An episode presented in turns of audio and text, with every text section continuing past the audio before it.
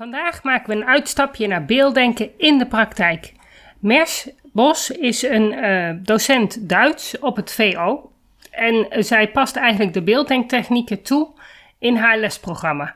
En daarnaast, uh, in haar praktijk, gebruikt ze ook heel veel het wereldspel. En zij gaat uitleggen hoe dat wereldspel gebruikt wordt om te bepalen of iemand een beelddenker is en uh, ja, hoe, hoe dat, welk effect dat heeft op het leerproces.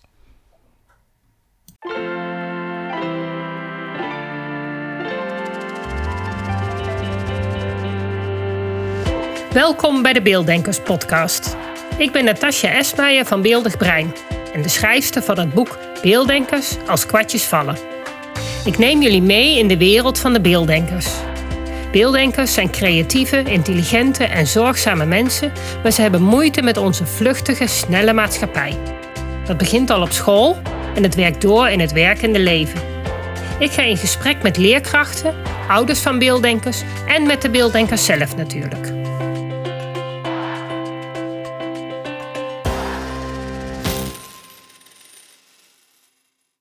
Ja, welkom allemaal bij de nieuwe Beelddenkers podcast. Uh, vandaag zit ik met Mers Bos. En uh, welkom Mers, uh, leuk dat je er bent. Ja, Zou jij jezelf even willen voorstellen aan de luisteraars? Ik ben uh, Mers Bos, maar dat heb je al gezegd. Ik ben uh, opgeleid tot docent Duits, tweede graad. En daarnaast heb ik mijn eigen praktijk voor leerlingen die hulp nodig hebben bij leren leren. Um, ik begeleid ze met dyslexie, faalangst en ja, eigenlijk alles waar ze hulp bij nodig hebben. Vooral als ze nou ja, dyslexie, ADD, ASS, en doe zo mijn best uh, om ze op weg te helpen naar een beter, uh, succesvolle schooljaar. Ja, en dan gaat het echt op het leren leren, had ik begrepen. Ja, leren leren. Ja, ja. en wat is jouw achtergrond? Ja, ik ben geboren en getogen in uh, Zwitserland. ben in Nederland komen wonen, heb de Nederlandse taal moeten leren. Ik sprak geen woord Nederlands toen ik in Nederland kwam. en zo weet ik eigenlijk uit ervaring hoe lastig het is om een taal te leren. Um, nou ja, goed, eenmaal in Nederland had ik het wel heel erg naar mijn zin. En heb ik gemerkt, als je echt je best doet, dat het wel moet lukken. Alleen op het HBO ontdekten ze dat ik toch uh, last had van uh, dyslexie. Ik ben er nooit op onderzocht. Um, maar met de juiste hulp op de hogeschool uh, heb ik het uiteindelijk toch voor elkaar gekregen om een HBO-diploma te halen. Daar ben ik ontzettend trots op. Ja, maar je had natuurlijk het voordeel dat jij al Duits sprak, hè? Ik had wel het ik Duits sprak, maar dan nog, je hebt toch wel een hoop andere vakken. Natuurlijk. Uh, en dan moet je toch nog steeds een hoop boeken lezen en zeker uh, ook literatuurboeken. Ja, en nou ja, gelukkig dankzij de juiste hulp is me dat wel gelukt en uh, de juiste motivatie. Dus dat is heel prettig. Ja, en nu heb jij je eigen praktijk. Waar, waar zit jij? Ik zit in Zoetermeer. Um, Zoetermeer is echt de huisvesting. Uh, maar ik krijg ook wel eens aanmeldingen elders uit het land. En ik heb het geluk dat ik in Utrecht een heel toffe locatie heb mogen gebruiken. Als kantoor overdag dicht is, ja, dan staat zo'n ruimte leeg. En uh, de samenwerkingsverband die ik met die partijen heb, die heeft gezegd: hier mag ons kantoor gebruiken.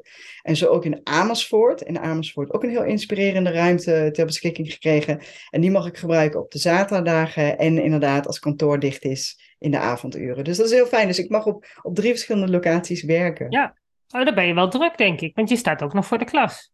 Ik sta drie dagen in de week voor de klas. Daar geef ik inderdaad het vak Duits. Maar daar ben ik ook dyslexiecoach en phalanxreductietrainer en counselor. En daarnaast heb ik dan mijn eigen praktijk. En nou ja, leerlingen die gaan overdag naar school. Dus dat betekent dat ik vaker ook in de avonduren aan het werk ben. Ja, nou ja, leuk. Um, en uh, nou ja, hoe, hoe ben jij? Ja, je hebt natuurlijk zelf ervaren dat als je dyslexie hebt, uh, dat het leren dan anders gaat. Um, wat heb je nog meer voor bagage? Wat zijn, de, want het is de Beelddenkers podcast. Wat weet jij van beelddenken en neem jij dat ook mee in jouw begeleiding? Nou, ik heb mezelf vroeger nooit zo goed begrepen. Ik, uh, ik was anders, ik handelde anders, um, ik reageerde heel snel. Ik had er soms wel eens last van dat ik mensen niet liet uitspreken of dat ik al aanvulde wat ze zouden gaan zeggen. Uh, nou ja, eh, gelukkig ben ik een heel goed sociaal netwerk en heb ik lieve vrienden. Maar ik heb ook wel mensen gehad die daarvan schrokken en een stapje terug deden en dachten van ja, wat, wat moet ik met haar? Uh, het stukje onbegrip. En nou dat had ik zelf Tuurlijk heb je dat wel door en je voelt wel wat, maar je hebt niet in de gaten hoe dat komt en waarom. En toen ik op een gegeven moment voor de klas ben gaan staan en leerlingen ben gaan helpen en ontdekte dat het toch best wel een, een probleem is in hoe leer ik en uh, vooral de zoektocht naar jezelf, ben ik um, mezelf gaan verdiepen in beelddenken. En dat was eigenlijk een eye-opener. Dus door verschillende boeken te lezen over beelddenken, dacht ik van, jeetje, wat herkenbaar. Oh, nou ja, maar dit is ook herkenbaar. Oh, als ik dit vroeger had gedaan als kind. Oh, dus het eigenlijk stukje psycho-educatie, ja, had mij dat veel eerder gegeven. Ik ben wel een gelukkig mens en ik was vroeger een gelukkig kind. Maar ik denk dat het me wel geholpen had in het leren op school en misschien ook wel in het studeren. Dus ik heb me vooral verdiept in, nou ja, uh, beelddenken in de handvatten voor de leerstijlen die ze nodig hebben. Ja. En uh, nou ja, we hebben natuurlijk al een gesprekje gehad. Jij maakt dan ook gebruik van het wereldspel. Ja. Ja, daar hebben we het nog helemaal in de podcast niet over gehad. Dus ik ben ook wel heel erg benieuwd. Kun je uitleggen wat dat wereldspel is? Ja, het wereldspel dat is uh, nou, dat zijn, moet ik eigenlijk zeggen, een aantal blokjes. Uh, en dat bestaat uit uh, huizen, mensen, verkeersborden, uh, soldaten, bouwstenen, voertuigen, bomen. Nou, dat zijn een beetje de items. En met die bouwstenen, het zijn 110 stuk, stukjes, bouwen kinderen van 5 tot 15 een dorp. Eh, tenminste voor het individueel onderwijskundig onderzoek eh, van 5 tot uh, eh, 15. Maar een volwassene kan het ook bouwen. En dan bouwen ze een dorp. En uit dat dorp kun je heel veel informatie halen. Um, en de meest interessante informatie die ik eruit haal, om makkelijker een beetje onderscheid te kunnen maken tussen talig denken en beelddenken, is de manier waarop ze dus dat dorp bouwen, hoe het gekoppeld is. Nou, maar behalve het gebouwde dorp um, in, in de stijl kun je ook nog zien welke sociale, emotionele aspecten erin zitten en welke innerlijke blokkades er zijn. En het grappige is dat uh, hele stoere binkies die zeggen van ja, doorbouwen, nou ja, uh, dat zijn een paar bouwstenen en dan ben ik klaar. Die zijn uiteindelijk wat langer bezig en nemen ook echt wel de tijd en gaan helemaal in die wereld van het bouwen van het dorp. En die bouwen de meest mooie constructies. Um, waarbij ik bij één jongen uh, recent nog gedacht. Nou, de manier waarop jij dit gebouwd hebt, dat lijkt wel een hoogbegaafd profiel. Nou, en uh, als dat dorp gebouwd is, dan ga je verder onderzoeken met, uh, nou ja, het is helemaal wetenschappelijk onderzocht ook, um, goed onderbouwd, er zit een hele fijne handleiding bij. Nou, en dan ga je op onderzoek uit van, ja, welke kenmerken vertoont um, dit gebouwde dorp en welke handvatten kun je dat kind dan geven in het leren? Nou, en ik vind dat wel heel prettig. Uh, Ga je dan ook in gesprek nog met zo'n leerling? Van waarom heb je dit gebouwd? Waarom heb je het zo gebouwd? En waarom niet anders? Of... Ja, een hele goede vraag. Is het echt alleen de interpretatie van en, en laat je ze gewoon bouwen? Ja, in principe laat je ze in eerste instantie gewoon bouwen. Dat is helemaal non-verbaal. En als ze klaar zijn met bouwen, dan stel ik wel altijd de vraag: vertel eens, wat heb je gebouwd? En woon je in dit dorp? En waar woon je dan? En dat is echt heel leuk. Het ene kind zegt, ja, ik woon daar. En het andere kind zegt, nee, ik, ik woon toch hier. Ik ben toch hier thuis. Ik woon hier. Dus daar zijn de reacties heel verschillend in. En de ander zegt van, nou nee, ik woon hier niet, maar uh, ik zou hier wel in kunnen wonen. Dus dat is heel erg interessant. Uh, sommige bouwen een dorp met ja, twee verschillende delen. En de een woont in het ene deel. En ik had een kind en die had ook een verhuiswagen ge geplaatst. En die zegt, ja, maar ik verhuis naar het andere deel. Dus dat is heel erg interessant. Nou, en uit die informatie kun je weer hele leuke gesprekken hebben. Nou, en na de hand heb je dan weer gesprekken met uh, ouders en ga je na van, nou ja, uh, waar liggen, wat is nou echt het leer, um, uh, hoe heet het, leervraag, mm opvraag en waar wil je naartoe? En ik zie en constateer dat en wellicht is, nou ja, dat en dat mogelijk. En ja. dat uit een dorp, ja. Ja, leuk. En, en nou, dat zit ik maar, want ik ken dat wereldspel. Ik ken het zelf niet hoor, eh, maar ik heb er natuurlijk wel vaker van gehoord. Vraag ik me ook altijd af, als stel dat je nou een kind een dag later nog een keer dat bouw, dorp laat bouwen, doe je dat wel eens? Dat je zegt van, goh, bouw, bouw nog eens een keer een dorp? Ja, zeker wel. Want met één dorp kun je natuurlijk niet heel veel uh, informatie echt concreet verwerken. Dus een kind moet sowieso nog een tweede dorp bouwen. Okay. Dat doe je minimaal twee weken later. Ik heb ook wel eens gehad dat het drie weken later is, als het dan toevallig zo beter uitkomt. En ik heb bij één kind gehad uh, dat ik dacht van, ik twijfel hier heel erg. Ik zou het prettig vinden als er nog een derde dorp gebouwd werd. En daar was ik uiteindelijk ook heel blij om dat ik dat gedaan had. Uh, maar de structuur bleef hetzelfde. Dus de informatie die ik kreeg, bleef ook hetzelfde. Ja. Oké, okay. nou leuk. Ja, want dat, dat, dat, dat zijn al vragen die ik dan mijzelf al heel lang geleden eigenlijk gesteld heb. Zo van, ja, hoe gaat dat dan? In één keer een dorp bouwen? Ja, oké, okay, als ik mijn kind zie bouwen, elk keer anders. Maar daar zit dus wel echt... Uh... Nou, misschien een mooi voorbeeld over het Werelddorp. Een, uh, een jongen in de klas. En een beetje een dromerig type. En die kon hele mooie torens bouwen van zijn pennen. Uh, en was eigenlijk wel afwezig.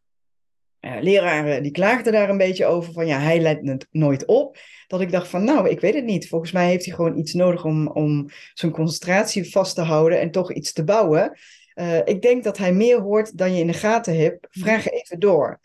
En uiteindelijk, nou ja, de vasttoetsen, de CITO-vasttoetsen, uh, daar kwam ook uh, VWO uit. deze jongen zat op de HAVO. Uh, en voordat ik die vasttoetsen had gezien, heb ik de toestemming gekregen van ouders om hem een dorp te laten bouwen. Hem een tweede dorp laten bouwen. En daarin dacht ik, ja, maar dit is echt een intelligent dorp. Ik heb dat ook na laten vragen bij uh, de opleiders. Kijk, ik heb dit dorp. Uh, wat is jullie idee hierover? En ze gaven ook aan, nee, dit is zeker een intelligent dorp. Nou, en kort daarna kwam de CITO-vasttoets. En dat zat echt in een hoge range van het VWO. Ik dacht, zie je wel, je ja. moet geloven in dit kind en niet alleen maar het gedrag willen zien. Ja, ja en dat is ook wel eens grappig wat je met ouders ziet. Want ik, als, hier in mijn praktijk, dan heb ik, eh, krijg ik altijd intekens eigenlijk altijd met de ouders erbij. En ik heb van die um, wisbordjes, ja, of eigenlijk grotere A3 uh, uh, whiteboards liggen op tafel, zodat ze gewoon kunnen tekenen. Daarmee, daar geef ik ook altijd mijn uitleg op. Dus ik was aan het vertellen. En, en die moeder had tegen mij van tevoren gezegd, nou, hij heeft er helemaal geen zin in. En um, nou ja, ondertussen bleek dat hij er best wel zin in had. Hij, hij luisterde goed. Maar hij was ondertussen dat ik aan het vertellen was, um, was hij aan het schrijven op dat whiteboard. En zijn moeder die stootte hem al een keer aan. En, en, en elke keer, en die moeder die bleef daar maar opmerkingen over maken. Dus die probeerde eigenlijk die jongen op te laten letten. Terwijl het juist inderdaad, toen ik dat aan hem, nou ja, toen we dat gingen bespreken, zo van, ja, hij is gewoon aan het opletten. kwam ook uit zijn dominantieprofiel. Hij moest luisteren. En hij, had een uh, linkse oog, dus wat hij zag, dat kwam het eerste binnen. Maar dat betekent dat wat je hoort, dus minder goed binnenkomt. Dus als hij naar mij aan het kijken was, dan kon hij alleen maar naar mij kijken. Dan kon hij niet meer opletten. Dus hij had zichzelf al was had hij zich al zodanig mooi afgesloten, omdat zijn oog in ieder geval bezig was. Zijn hersenen waren mooi aan, want hij was aan het tekenen en hij kon heel goed opletten. Maar zijn moeder verstoorde dat eigenlijk. En dat was een heel mooi eh, voorbeeld voor die moeder ook, om te laten zien dat hij dus inderdaad juist dat nodig had om op te letten. Nou, heb ik, herken heel goed wat je zegt. Um, en het is eigenlijk jammer. Dan heb je inderdaad weer dat je een moeder even moet begeleiden van... hé, hey, uh, dit helpt hem juist wel. Ik heb dat zelf vanuit mijn praktijk gehad met twee uh, broers. Moeder die vroeg, wil jij mijn kinderen helpen in leren leren? Ik zeg, is goed. En ik kom eigenlijk heel graag thuis, omdat je dan ziet wat de thuissituatie is. Je ziet waar ze huiswerk maken. Uiteraard ben ik alleen maar beneden aan een eettafel. Ik, ik, zal nooit mee naar boven gaan, want ik vind dat een slaapkamer van een kind moet een veilige plek zijn. Het moet niet verstoord worden in uh, dat daar iemand is geweest om te helpen in welke sessie dan ook. Maar we zaten beneden aan de eettafel. Ze hadden een hele duidelijke rol. Uh, de ene broer aan die kant, de andere broer aan die kant. En de een moest en zou per se aan die kant zitten, zodat hij het overzicht had. En de andere broer maakte dat weer niks uit. Dus ik zag op de beide broers twee duidelijke verschillen. Ik denk, oh, jij zou nog wel eens een hele duidelijke beelddenker kunnen zijn. Nou, uh, gaandeweg de training die ik gaf, zag je hele heldere verschillen. Uh, spijtig genoeg was moeder zo aardig en die schreef de leerkaartjes voor de ene zoon.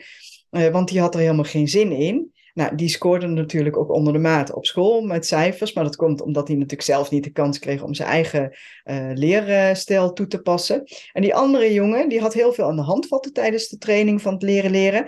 En die groeide, die bloeide op. En nou, die is ook heel mooi overgegaan. Maar dat ene jongetje, de, die ene zoon, die dus per se moest functioneren zoals moeder dat in gedachten had, hoe de oudste zoon dus ook functioneerde. Ja. Dat, dat werkte gewoon niet. Nee. Nee, Ja. soms moet je inderdaad ook de ouders. Nou, eigenlijk is het niet eens opvoeden, maar het is meer geruststellen. Geruststellen dat datgene wat dat kind van nature doet, dat dat vaak helpend is. Ja, En eigenlijk elk kind wil gewoon leren. Elk kind eh, wil van nature gewoon zijn best doen. Alleen, dan moeten wel de omstandigheden zodanig zijn dat ze dat kunnen. En als je ze hun, die omstandigheden zelf laat creëren, ze dat zelf aanpassen, ja, dan moet je dat vooral zo laten. En daarnaast moet je natuurlijk zorgen dat het lesmateriaal ook passend is, want ze moeten wel toegang hebben tot de juiste informatie. Ja, nou, ik ben ervan overtuigd dat elk kind nieuwsgierig eh, geboren wordt. Eh, ze willen allemaal leren praten, ze willen allemaal leren lopen, ze willen allemaal voelen, ze willen allemaal proeven. Dus ik denk dat een kind echt wel geboren wordt met heel veel nieuwsgierigheid. Eh, en dan is het inderdaad net wat je ze aanbiedt en welke mogelijkheden, mogelijkheden ze je geeft om hun wereld verder te ontdekken. Eh, en wat ik dan jammer vind, op het moment dat ze op school komen, dat ze weer in een bepaalde richting geduwd worden. Van eh, zo moet het, zo gaan we dat doen. En dat zie je heel goed ook ja, in, in het leren schrijven en in het leren tekenen. En nou ja, gelukkig de pen vasthouden, maar ook eh, handschriften toepassen. Maar ik vind het zo jammer dat eh, een, een stukje creativiteit, naarmate je verder in een schooltraject komt, toch wel ontnomen wordt. En het zou zo mooi zijn als veel meer leerlingen op een creatievere manier mogen blijven leren. Ja, maar ja, dat kunnen we niet toetsen en testen, hè? Nee, nee en dat is juist zo jammer. Ja. Ik ben er net vanmorgen, want eh, ja, wij geven natuurlijk die kernopleiding beelddenk. Ben, vanmorgen heb ik dat toevallig nog opgeschreven. Dat inderdaad, dat die creativiteit, en dat is niet alleen, alleen maar knutselen en, en, en tekenen. Dat is ook vooral creatief zelf een rekenopgave uit mogen zoeken, hoe we dat zouden kunnen doen. Want in het VO, want jij werkt op het VO, ja, Duits. In hoeverre Kijk, ik heb natuurlijk ook, eh, ik, begeleid eh, kinderen met huiswerk en kom ik ook Duits tegen. Wat mij heel erg ehm, helpend, wat ik helpend vind met Duits, is eh, dat ik ze altijd alvast alle grammatica-regels geef. Want bij de meeste methodes Duits krijgen ze een woordenlijst. En dan staan er bijvoorbeeld heel veel eh, meervouden. Maar elk, er zijn heel veel regels op dat meervoud. En dan moeten ze maar gewoon aannemen dat dat bij dit woord zo gebeurt. Een beelddenker kan dat helemaal niet. Die heeft die regels al nodig om te snappen, nou ja, het kan op deze manier, het kan op die manier, het kan op die manier. Maar die moet houden vast hebben. Dus ik geef ze vast- alvast alle regels, hoeven ze van mij niet te kennen. Maar dan weten ze in ieder geval een aantal regeltjes moeten voldoen. En Ja. dat is waar, waar ze nogal eens tegenaan lopen. Ik weet niet hoe jij dat ervaart. Jij bent Dat is iets heel moois, want dan heb je inderdaad over een methode. En een methode heeft een bepaalde structuur nodig. Maar niet iedereen wil diezelfde structuur hebben. Maar je kunt het methode natuurlijk eh, ook niet aan het begin van het boek openen, maar aan het einde van het boek openen. En dan kom je fantastische overzichtsschema's tegen. Nou, en eigenlijk begin ik in mijn lessen daarmee. Eh, hoofdstuk 1 interessant, eh, maar hoofdstuk 10 is net zo interessant. Maar als je de kinderen eerst even laat zien, helemaal achter in het boek, kijk, alles wat we gaan behandelen staat hier. Eh, we hebben nu het A-boek, dus een deel hiervan kom je nog niet tegen. Dat komt in het B-boek pas, maar in het B-boek vind je weer exact hetzelfde overzicht. Dus laten we eerst even kijken welke onderdelen van de grammatica erin zitten. En weet, alles wat ik je uit ga leggen, waar ik je aantekeningen over laat maken, kom je ook weer eh, tegen in, ja, in dit complete overzicht. En dat helpt wel. Eh, Ja. Vooral ook omdat je dan iedereen meepakt. Iedereen wil graag weten, ja, wa- wat is het einddoel? Wat willen we gaan doen? Wat gaan we doen? Hoe gaan we het doen? Eh, maar je merkt ook op het moment dat je, eh, en dat vind ik wel heel mooi, eh, en, je- of je een kind nou bij de hand wil noemen of nieuwsgierig, dat laat ik even in het midden. Maar ik merk wel, als ik dan met hoofdstuk 1 begin, ja, nou ja, dan, je moet ergens beginnen met die grammatica aanbieden. En dat is bij Duits dan bij haben en zijn. Meteen twee ingewikkelde werkwoorden eigenlijk. Ja, heel ja. Maar ja, eh, dat heeft het systeem bedacht. En uiteindelijk begin je ook met, eh, ja, ich bin. eh, Ik kan dan- het zeggen, die, die, die, dat zijn natuurlijk in alle talen eigenlijk de, de werkwoorden waar je mee begint, omdat je die continu nodig hebt. Ja, ja, zeker. En het leuke is dat een, een aantal kinderen ook echt zeggen van... Maar je kunt het toch ook zus en zo zeggen? Want dan hebben ze uit nieuwsgierigheid al in die grammatica-schema's gekeken. Ja, ik word er heel gelukkig van. Ja, maar dat is ook de manier volgens mij waarop je het zou moeten aanbieden. Van, nou ja, goed, dit hebben we allemaal. Dit gaan we allemaal leren. Nou ja, je hoeft het niet allemaal tegelijk te kennen. Oké, we beginnen vooraan. Maar laat alsjeblieft zien, maar ook waar ze het inderdaad op kunnen zoeken. Wat niet wil zeggen dat je het allemaal meteen getoetst hoeft te, te, te krijgen, maar wel dat je weet hoe het in elkaar zit. Nou, wat nog een andere leuke is, je hebt, uh, als ik even over de methode heb die wij op school gebruiken, is inderdaad de woordjeslijst um, uh, Duits-Nederlands uh, en dan heb je nog een lijst Nederlands-Duits. nee, sorry, ik zeg het verkeerd. nou ja, deze twee kanten op moet leren en een één lijst waar je alleen maar vanuit het Duits naar het Nederlands leert. Uh, dan krijg je nog grammatica-overzicht en dan krijg je uh, de spraakmiddel, noemen wij dat, dus de zinnetjes. En ik heb zoiets, ja, maar waarom beginnen we met woordjes leren? Je kunt ook zeggen, nou, die spraakmiddel, dat zijn niet zo heel veel zinnetjes. Laten we die zinnen daarin nou eerst eens even compleet maken met woorden uit de woordenlijst. Dan is het in ieder geval een logische zin en laat die leerlingen nou eerst die zinnetjes leren. Ongemerkt pakken ze dan al heel veel woorden op. En zul je zien op het moment dat ze de woordenlijst moeten leren, dat dat veel makkelijker gaat. Dat ze alleen maar denken, oh, het valt wel mee, zoveel woorden zijn het niet meer. En uh, ja, ik begin dus eigenlijk helemaal achterstevoren, want die spraakmiddel is het laatste onderdeel gedurende het hoofdstuk. Ja, en ik begin daar dus mee. Ja, ja, ja dat lijkt mij ook. Uh, nou, en heb je natuurlijk met het voordeel van met Duits dat het wel aardig op het Nederlands lijkt. Dus zeker met zo'n zin, dat je eigenlijk, zonder dat je heel veel Duits kent, al best wel behoorlijke zinnen kunt snappen, in ieder geval. Zeker, ja. En dat is bij Frans natuurlijk een heel ander verhaal. Frans, eh, ja, daar kunnen ze daar een zin neerzetten, maar daar kun je niks van maken.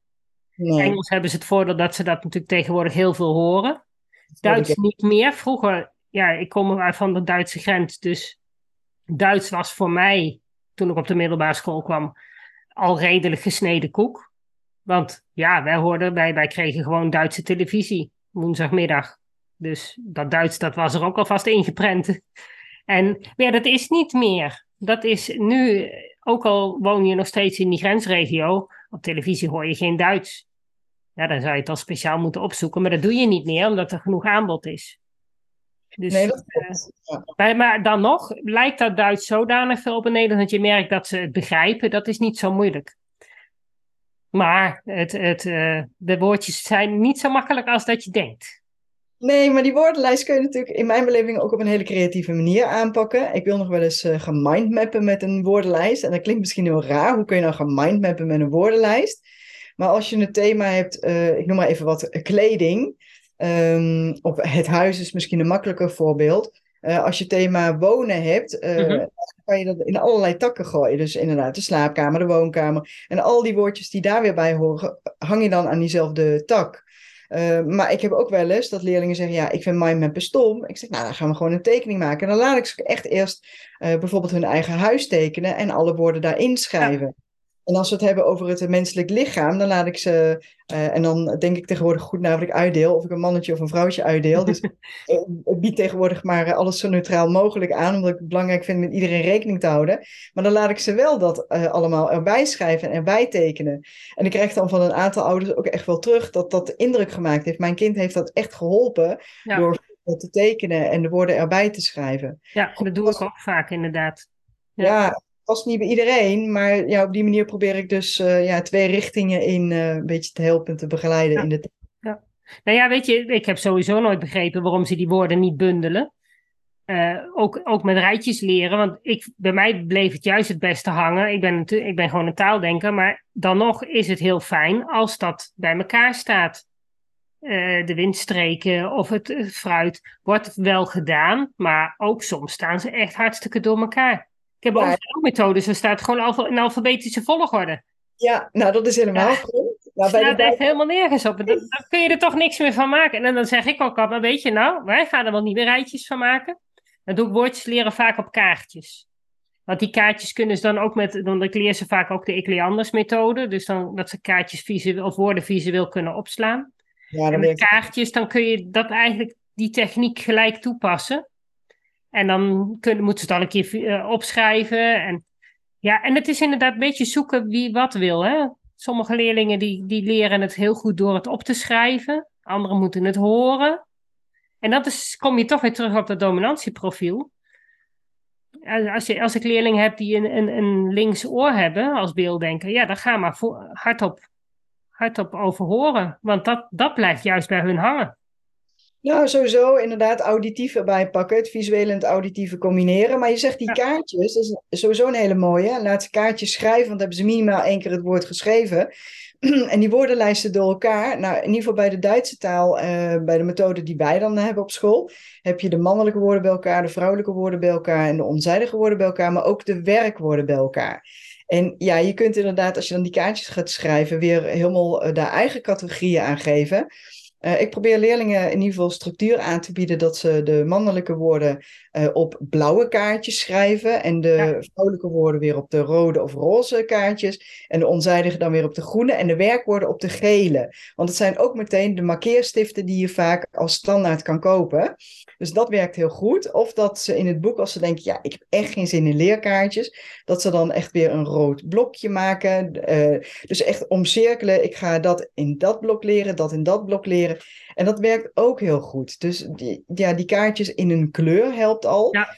Het boek de woorden ook al een kleur geven helpt vaak ook. Ja, ja ik pak gewoon van die memo-blaadjes. heb je al die kleurtjes al. Dus dat doe ik inderdaad ook. Met Frans ook. Ik ben met Frans ben ik er ook laatst achter gekomen dat er gewoon een regel voor is wanneer iets le en wanneer iets la is. Heb ik nooit geweten. Schijnt gewoon een regel voor te zijn. Dus waarom denk ik, waar, dan denk ik ook van waarom wordt dat niet gewoon verteld? Waarom? Dat, dan maak je het leven toch een stuk simpeler. Nou, ik ben dus het schooljaar begonnen met helemaal achter in het boek te kijken. En dan heb je inderdaad al de uitleg bij het geslacht van de zelfstandige naamwoorden, welke basisregels er zijn. En ik zeg dan altijd voor het gemak, 80% kun je toepassen als je dus de woorden niet geleerd hebt. Eh, of het lidwoord er niet bij geleerd hebt, of je weet het niet meer, dat kan natuurlijk ook.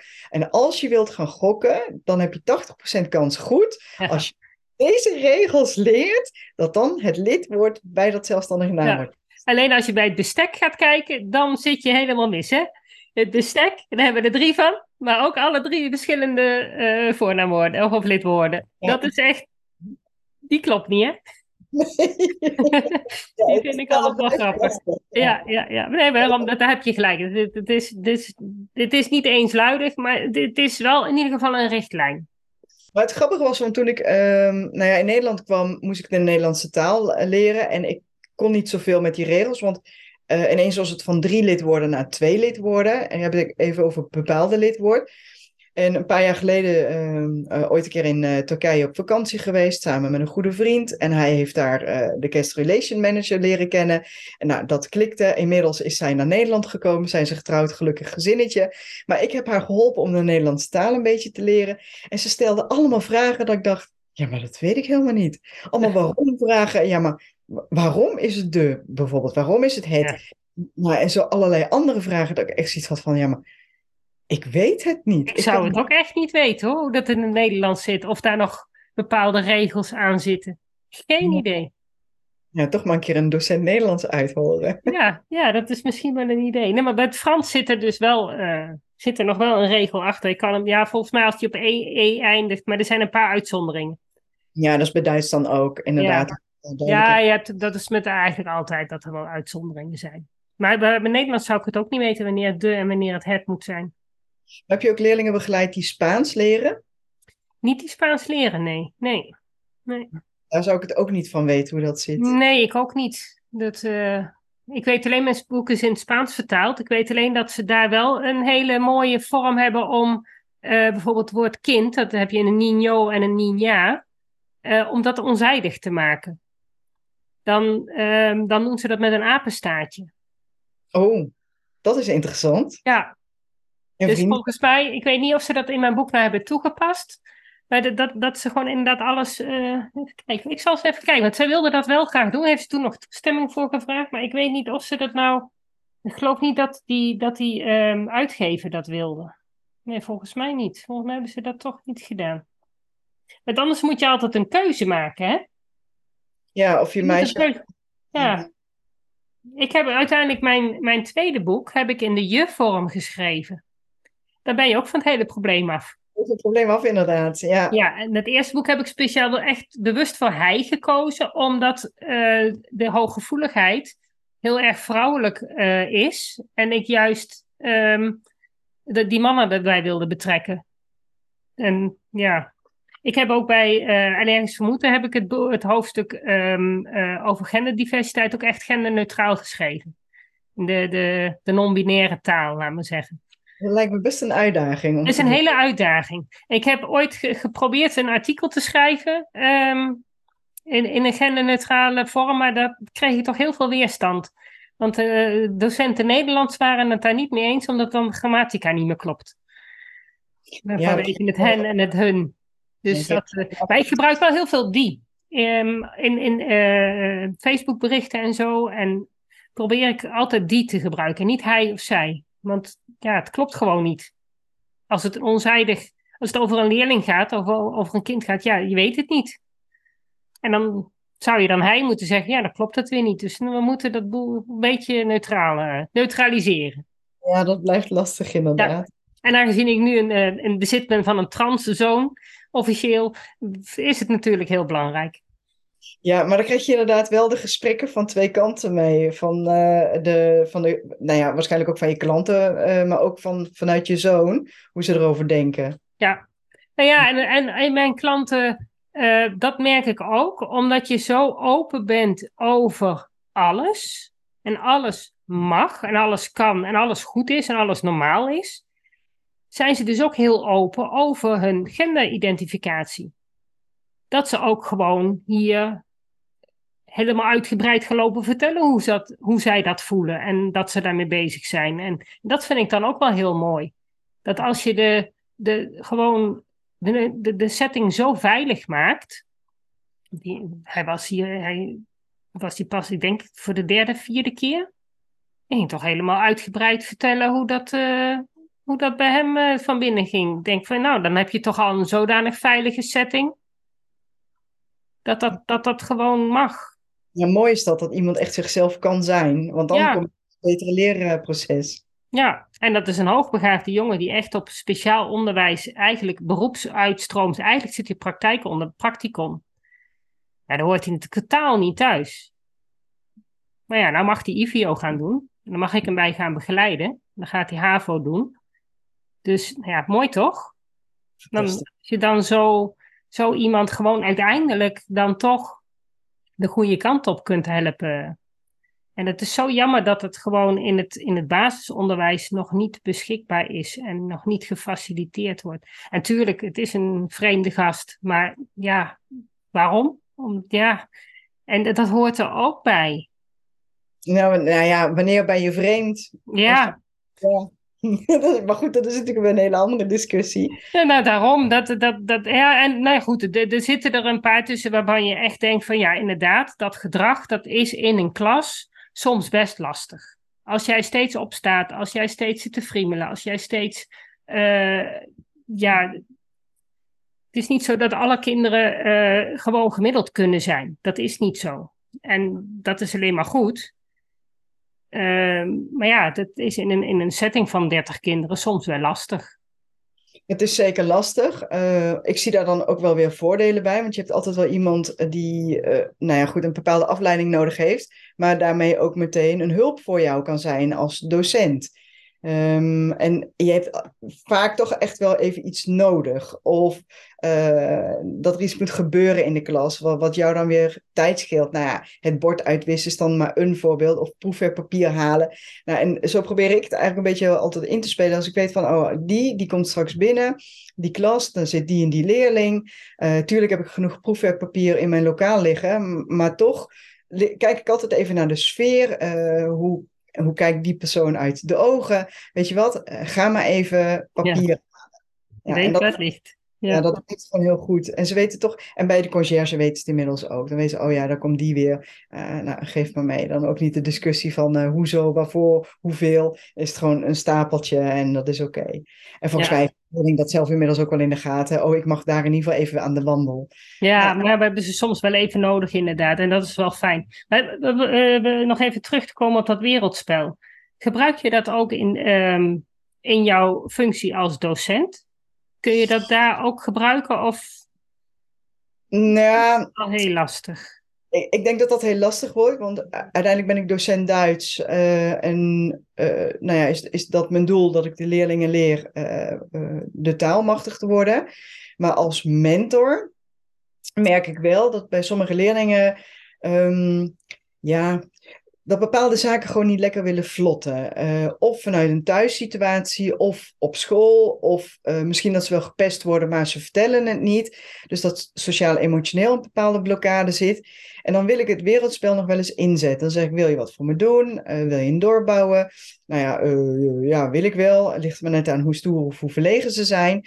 En het maakt eigenlijk niet uit hoe oud ze zijn. In de counselinggesprek heb ik dat ook wel eens gedaan met een bovenbouwleerling.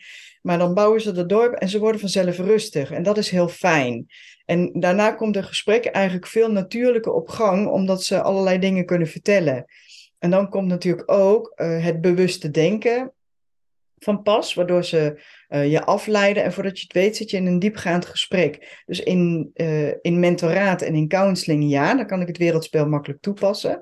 maar vanuit het vak Duits, nee, niet echt. Dat is gewoon maar ja, bent natuurlijk, elke docent is eigenlijk ook mentor. En ik kan me ook voorstellen dat je niet van elke klas al die kinderen, dat, dat, kun je, dat, dat gaat niet. Maar van je mentorklas lijkt me het wel zinvol om. Ja, maar dan ga ik zo. Ja. Ja, en dan ook niet alle 32 hoor. Dat is gewoon een kind wat opvalt in welke vorm dan ook. Of heel erg heel erg extrovert. Ja, dan eh, pak ik ze wel eens bij. Uh, ik heb ook wel eens bij de phalanx gehad dat ik denk van... Uh, oeh, um, jij zit zo vast. Wat zit hier meer achter? Dan heb ik ook wel eens het wereldspel gebruikt. en bij um, volwassenen in de praktijk, ook bij phalanx, heb ik het ook wel eens gebruikt. En dat is echt interessant. Ook de manier hoe ze erop reageren en wat ze er uiteindelijk over willen vertellen. En de handvatten die je dan meegeeft, ja, maar ik zie dat en dan dat. Maar in principe gebruiken we het wereldspel echt uh, bij ja, tot en met 15 ongeveer. Ik het zeggen, want op een gegeven moment is je brein natuurlijk zo ontwikkeld dat het niet meer zo overheersend is, dat beelddenken en dat taaldenken. Ja, mijn vrouw is eigenlijk altijd los. Zodra ik een opleiding heb gedaan of een cursus heb gedaan, dan moet altijd iemand even de, de, nou ja, de klos zijn. En dan zeg ik, ik heb weer wat nieuws geleerd, ga eens even zitten. Nou, en ik vond het bij haar ook heel leuk om te zien wat voor dorp ze gebouwd heeft. Alleen ik confronteerde haar daarmee en er kwam echt een beetje een boze reactie. Hoezo? ja, maar schat, het is, kijk, dit is wat jij gebouwd hebt. En uiteindelijk uh, kon ze ook accepteren, ja, je hebt gelijk. Uh, die aspecten, dat ben ik inderdaad. Ja. Dus het te zien.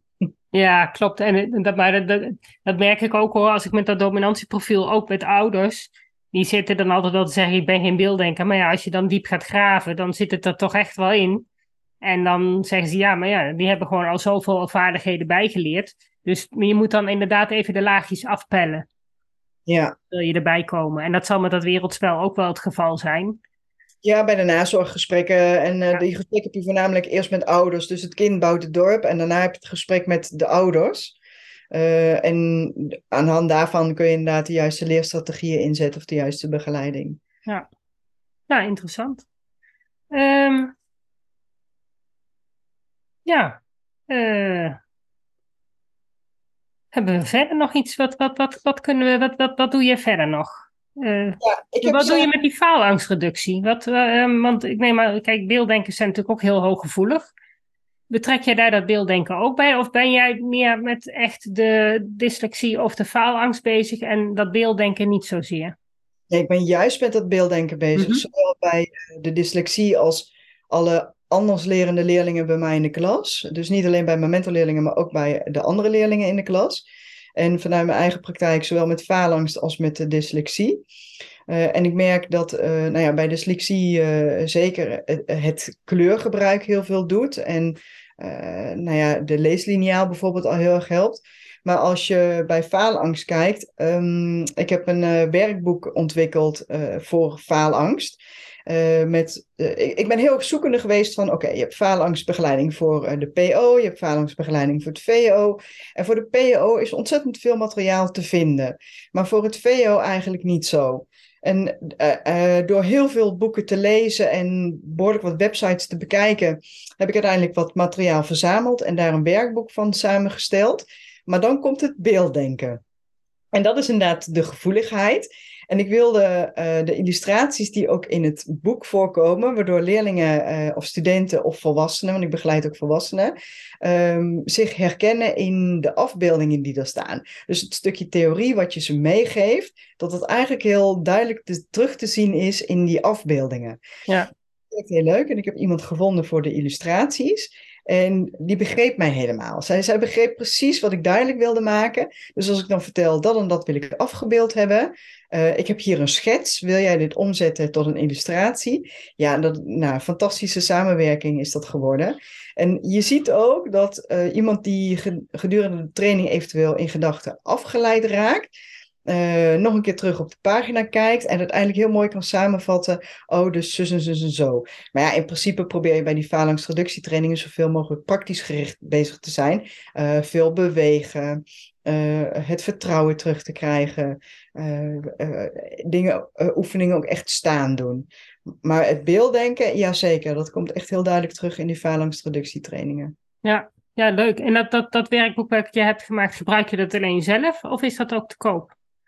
Het is te koop, maar daarvoor moet ik op mijn website nog een webshop gaan openen. Dat, okay. dat is nog toekomst. Maar ja, hij is, uh, hij is in ieder geval. Uh, nou ja, er zijn er nu uh, bij de drukker behoorlijk wat aantallen vandaan gekomen. En hij is inmiddels verkoopbaar. Oké, okay, en wat is jouw e-mailadres? Want voordat deze podcast online staat, dan zal die ongetwijfeld wel te koop zijn. Ja, dat, ja, ja, ja, daar wil ik wel naar streven. info leerlingleertleren.nl. Kijk, nou, als mensen dan uh, interesse hebben, kunnen ze met jou bestellen. Zeker. Ja. En als we het over beelddenken hebben, heb ik ook nog een agenda uitgebracht. Maar die agenda is echt tot stand gekomen dankzij uh, een aantal lieve leerlingen die heel duidelijk aangaven, ja, uh, plannen, ik snap wel dat het belangrijk is, maar het lukt me niet. Of ik kan een hele mooie planner maken, maar ik hou me er toch niet aan. Mm -hmm zijn we samen gaan nadenken, oké, wat heb jij nodig? Hoe helpt plannen bij jou wel? Uh, is dat een whiteboard? Is dat uh, een computer? Of is dat papier? En nou, met een uh, goede pilot van ruim anderhalf jaar is uiteindelijk een agenda gedrukt. Die agenda is een jaar lang gebruikt op een school. Nou, daar is weer feedback op gekomen. Daar is een herdruk op gemaakt. En die herdruk is dit jaar weer bij scholen uitgedeeld. Heel fijn. Uh, laatst weer een nieuwe bestelling gekregen en uh, daar ben ik heel uh, dankbaar om.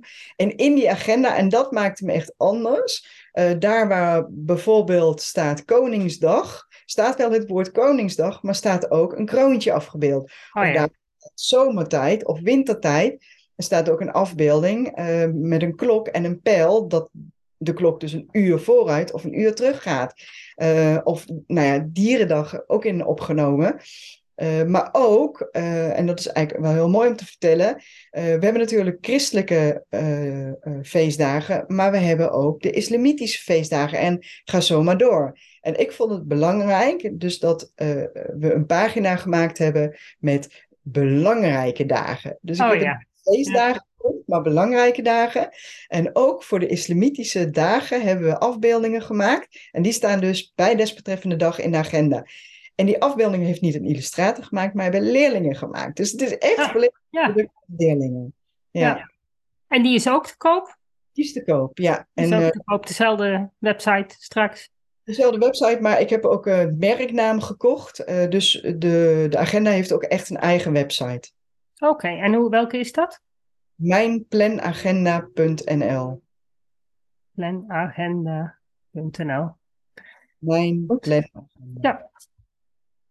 Ja, heel leuk. Ja, zeker. Nou ja, weet je, ik bedoel, eh, de doelgroep die naar deze podcast luistert, dat zijn natuurlijk wel de mensen die die planagenda waarschijnlijk heel goed kunnen gebruiken.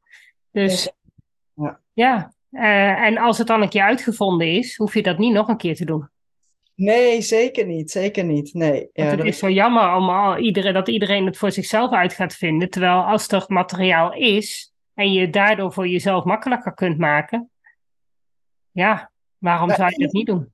Ja, ook dat. En ik vind het vooral belangrijk om naar het kind te luisteren. Van waar heeft het kind nou eigenlijk behoefte aan? Want we kunnen dat van, voor, voor kinderen allemaal wel heel leuk bedenken. Dit werkt goed voor jou en dit werkt goed voor jou. Als ze daar geen gevoel bij heeft, um, of geen vertrouwen in heeft, ja, dan houdt het gewoon al op.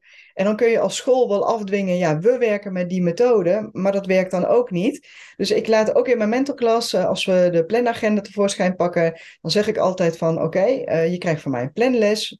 Uh, we werken met dit boek, maar als je thuis een andere manier hebt gevonden die bij jou beter werkt, dan gebruik alsjeblieft die methode. Ik vind niet dat je iets af moet dwingen, dat werkt nee. gewoon.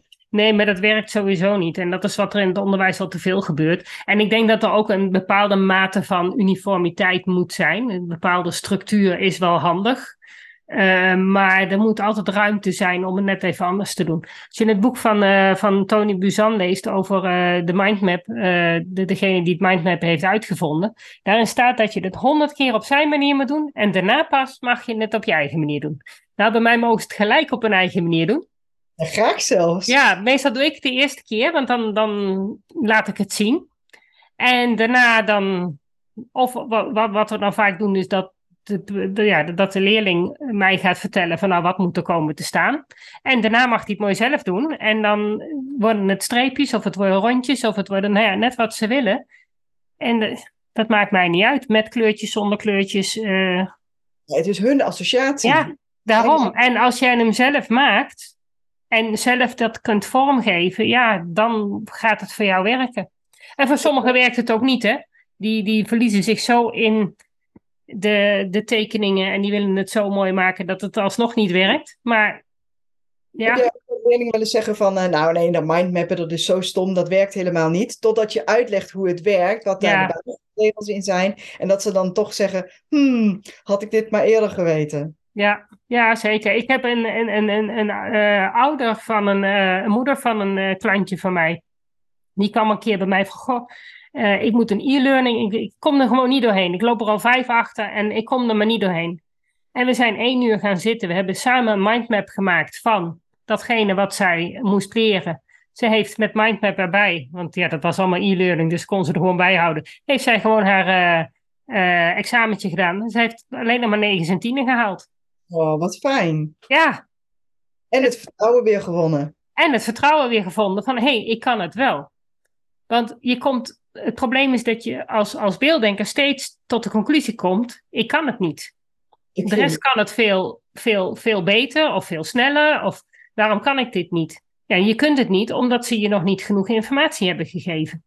En het gewoon niet goed uitgelegd hebben. Daarom kun jij het niet. Want niet zeg je het helemaal niet zou kunnen, alleen nu nog niet. Ja, dat ligt niet aan jou, dat ligt aan het systeem. Ja, en het gek vinden, als ik het één keer lees, ik begrijp het niet. Uh, terwijl als ze dan creatiever zouden leren, op een creatieve manier zouden leren, dat ze het dan wel begrijpen. Ja, ja, dat is ook. En snel lezen. En er zijn zoveel technieken die, die je kunt toepassen, maar je moet per kind bekijken wat nodig is. Ja, zeker. Ja, ja dat ervaar ik ook. Ja, je kunt niet zeggen, oh, met de hele klas, nou jongens, nou moeten we met z'n allen gaan snel lezen. Ja, er zijn er een heleboel die hebben er helemaal niks aan. En er zijn er een paar die hebben het wel nodig. Nou, in de klas is het wel belangrijk om te differentiëren. Uh, en dat klinkt dan heel erg chic. Maar als je 32 leerlingen hebt en je moet gaan differentiëren en orde houden, ja, dan wordt het toch ook wel een hele uitdaging. Ja, en zeker op het VO natuurlijk. Maar ik denk dat, je dat dan inderdaad op het VO meer met je mentorklasse uh, moet gaan doen. Maar ja, dan, dan nog, dan moet je toch gewoon klassikaal lesgeven, zodanig dat en de beelddenkers en de taaldenkers voldoende informatie krijgen en voldoende tijd krijgen om te oefenen en te herhalen.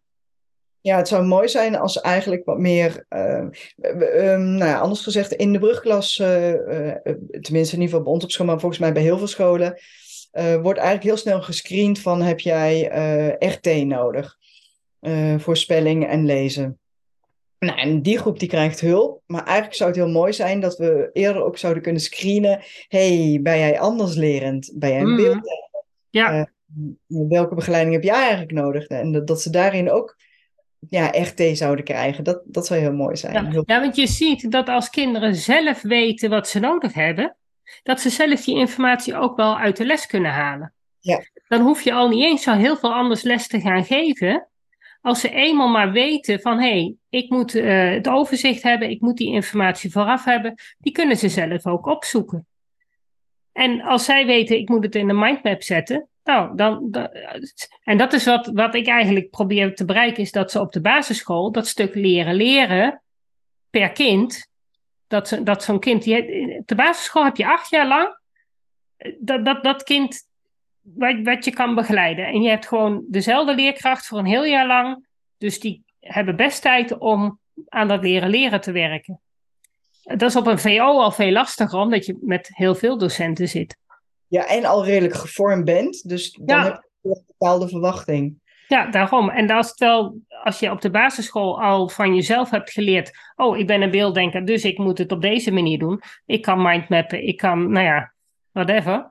Ehm, of ik ben een taaldenker en ik moet herhalen en ik moet oefenen en dan komt het ook goed. Dan ben je er eigenlijk al. Maar hoeveel IB'ers zijn er die daar weer genoeg over weten? Over het beeld? Nee, die, dat, dat is het probleem. En het- wat ik merk is in een, in een basisschool, is dat of de leerkracht wel wat met beelddenken wil gaan doen, maar dan wil de IB'er wil niet en de directeur niet. Of de directrice wil wel en de uitvoerende die eh, hebben zoiets van, waar heb je het over? Of de IB'er wil wel en dan heb je weer een leerkracht die denkt van, ja, ik heb er 32, laat maar. Maar volgens mij ook het systeem, want ik heb eh, ehm, een keer een lezing gegeven en nou ja, dat was vooral ook van het PO naar het VO. En ik heb aan een vriendin gevraagd die in het PO werkt van help mij even. Ik heb informatie nodig, eh, want ik heb wel een idee en ik heb best wel veel mensen al bevraagd voordat ik überhaupt een lezing in elkaar kan zetten.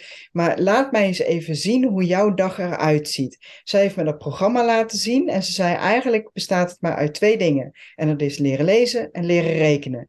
En zij heeft me ook het schema laten zien hoe strak dat aan elkaar aangesloten was. Dat ik dacht van ja, maar waar is de tijd voor creativiteit? Wanneer de- eh, mag je muziek spelen? Wanneer mag je spelen? Wanneer mag je knutselen? Wanneer mag je tekenen? Dat was zo beperkt. Ik, heel eerlijk gezegd schrok ik daarvan. Ja, maar eh, zou, je- denk jij dat het echt dat het nodig is dat die kinderen zoveel tijd besteden aan lezen en zoveel tijd besteden aan rekenen? Nee. Ik kan hier in een half uur tijd het hele rekensysteem uitleggen. Ik heb een jochie van zeven, die kan de procenten en de breuken al. Omdat je het gewoon duidelijk uitlegt. Die heeft al die training en oefening niet nodig. Nee, natuurlijk moet je oefenen om vaardiger te worden. Tuurlijk, tuurlijk. Ik zeg niet dat hij dan daarmee klaar is. Maar je hebt echt geen acht jaar nodig om een kind te leren le- lezen, rekenen en schrijven. Nee, ik denk dat het eenvoudiger kan. Dat Ja. kan een stuk eenvoudiger. En dat, dat, maar dan moet je wel die, die, die, die lesmethoden zoals ze nu zijn vormgegeven, die moet je loslaten.